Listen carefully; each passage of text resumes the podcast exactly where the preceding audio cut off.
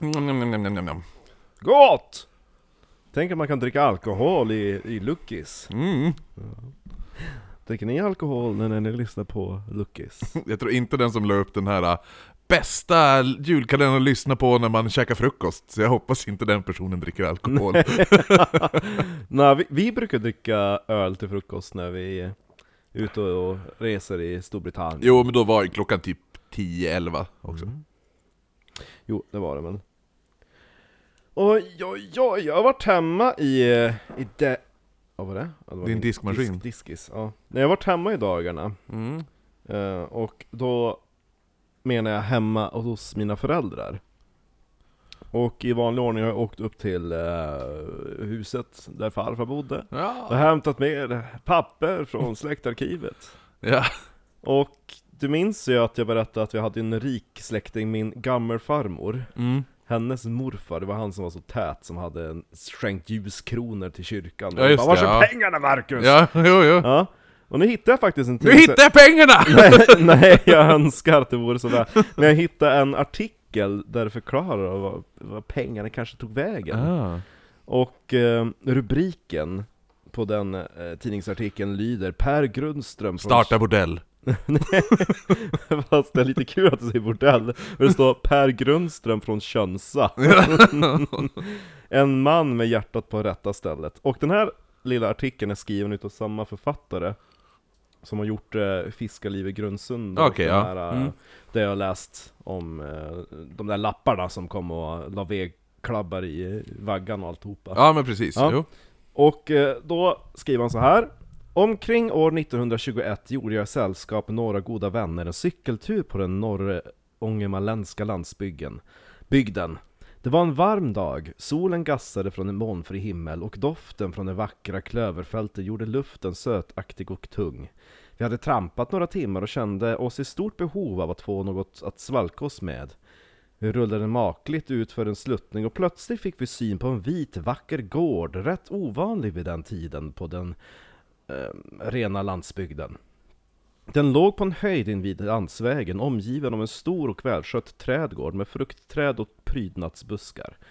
Vi bromsade in och vek av vid avtagsvägen. Vi fortsatte obekymrat vidare och stegade in i köket. Jag gillar att de bara ha ett hus! Låt oss gå in, det var vackert! Ja, tjusigt, hej! Där satt i gungstolen en äldre kvinna som såg ut att ha haft ett strävsamt liv bakom sig. Händerna var skrumpna och arbetströtta, men var inte sysslolösa. Hon satt och stickade. Fan vad irriterad man en själv hade blivit ifall man bara satt hemma, mind your own business, typ Ja. jag sitter och klipper ett avsnitt eller något sånt där, man sitter och gör research något, så kommer det bara in ett sällskap och du bara Hej! Hej! Det såg så fint ut så vi klev in! Vad bara, är ni dum i huvudet? Eller hur? Vid spisen stod en yngre kvinna som höll på att laga mat. Mm, gott! Åh, han är mat också! Vi talade om vårt ärende och bjöds att sitta ner. Det visade sig att det var den äldre kvinnan som hade värdinnerättigheterna i huset. Hon frågade oss varifrån vi kom och vart vi skulle fara. Då hon fick reda på att vi var från Grundsunda och var fabriksarbetare blev hon ovanligt intresserad och förklarade att hon själv härstammade därifrån. Efter en lång tystnad började hon berätta om sitt liv. Oj. Ja, det var... Nej. Ja, jag minns ju själv när jag klampade in hos folk när jag var Ja, barn. exakt. Det var det här huset, det var någon annan som bodde här då, men då klampade jag in och sa 'Gå härifrån' Det var fint, hon bodde där förut. Exakt. Och så står det vid spisen. Ja. Jag är också på besök. Jag kom på besök 1835! Jag har inte lämnat sen dess. Jag står, sitter fortfarande och väntar på den här jävla maten hon står lagad borta. Långkok sa hon. Jo, man tackar. Så är det ner och vänta. Jag var endast 21 år då jag flyttade därifrån, men jag har en del vackra minnen kvar. Jag minns särskilt en händelse som gjorde ett starkt intryck på mig, som jag känner som en plikt att tala om. Ni känner nog säkert en person från Könsa som hette Per Grundström, som hade bordell. en mycket betrodd och anlitad man, en man med hjärtat på rätta stället. Det var så att jag och en kamrat till mig åkte in till marknaden i Örnsköldsvik som då inte hade stadsrättigheter. Det var brukligt på den tiden att när affärsmännen hade en, en vara att skylta med så lade de ut den på ett bord ute vid trottoaren.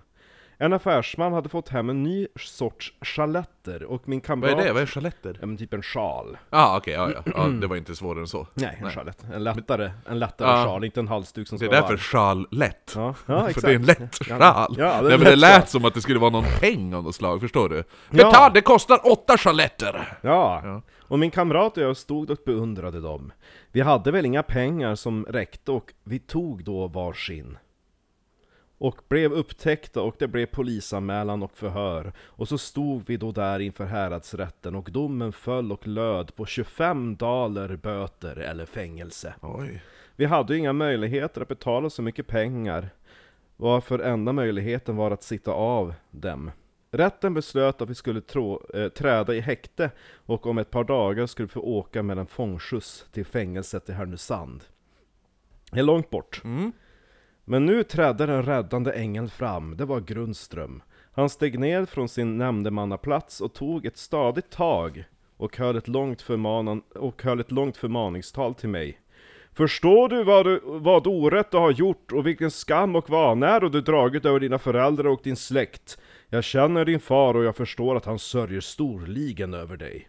Jag stod där och kände mig som en stor förbrytare och jag grät som ett barn. Men nu inträffade det märkliga. Grundström tog upp sin plånbok och betalade mina böter, 25 riksdaler, och sade Nu åker du med mig hem. Till bordellen! Ja. Jag kom att tjäna hos Grundström i flera år. Nej, och fick vid flera tillfällen bevittna om hur god den mannen var. Särskilt en episod jag ber äh, eh, berättar om. Det var då Lovisa på Marningen kom och bad om hjälp. Hennes man hade dött några veckor tidigare och hon hade att dra försorg om fem barn. Till råda på eländet hade hennes enda ko dött. Åh nej. Jag minns så väl när Grunsten förklarade för henne vad som var att göra. Om en vecka skulle det bli sockenstämma och då skulle frågan tas upp. Enda möjligheten var väl att auktionera ut barnen och Lovisa själv skulle ut och tjäna eftersom hon var frisk. Det var bittra ord för en hårt prövad moder, men det följde ett men. Lovisa, jag har inte glömt att du en gång nog räddade livet på mig. En gång i min ungdom, sa Grundström. Jag bar posten från Husum till Skademark en vinterdag då kylan var hård och vädret och föret var dåligt, höll jag på att frysa ihjäl. Då jag kom till er fick jag värma mig och jag fick en varm mugg mjölk, och inte nog därmed. Du tog postväskan och fortsatte färden åt mig, och jag fick vila mig hos er. Den gången räddade du säkert mitt liv, nu vill jag gottgöra det genom att hjälpa dig. Gå ner till laggorn och välj ut en ko som du vill ha, och med den arbetsförmågan som du har ska du säkert klara upp saken utan att behöva lämna ifrån dig barnen. Jaha, vad snällt. Ja. Mm. och han var en väldigt god människa fortsätter de att beskriva. Mm. Eh, och pappa berättar också att han hade typ lånat ut pengar till folk som, Höger och vänster. ja så att det var typ där, där Ja, var pengarna ingen- försvann. Ja, han var ingen Joakim von Anka. Nej.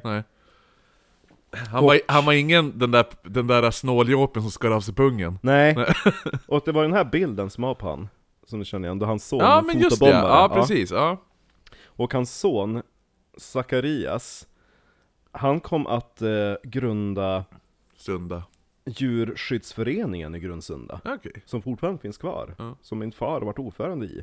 Och han eh, hade ganska klen hälsa, så han dog när han var 55 år.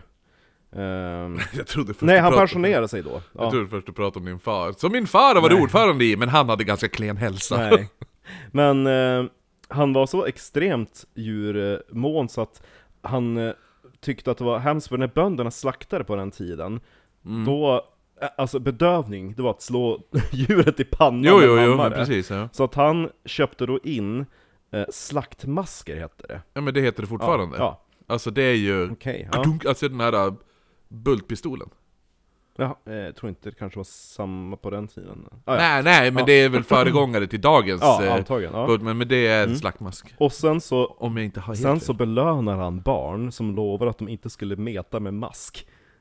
Va? Ja, Jaha. han låter som en modern människa. Ja, det låter Vegan! nästan lite veganig där. Jo. Ja. Men sen så tyckte han ju också om mm, eh, hästarna och att de skulle ha, ha det bra, så att han såg till att man satte upp runt om i, eh, i bygden där det fanns bra vattenkällor, skyltar där det står 'Vattna hästen' Ja, ja, men Och det precis. finns en sån skylt kvar i eh, Grundsunda, Mm. och den har liksom gett namn till typ den eh, byn, Vattna hästen Jaha. Ja, Ja. den skylten finns kvar ja. Jo men jag tänkte, eh, just det, tillbaka till slakt, slaktmask. Mm. Det är alltså, för nu kör man ju sån här lufttrycks bultpistol Ja. ju. Men då satt, spände det över Mhm. kon som en mask. Mhm. Och därpå satt en bult i masken. Och så slår man på slår du med Aha, hammare ja. på den bulten. Ja. Det är slaktmask. Just det.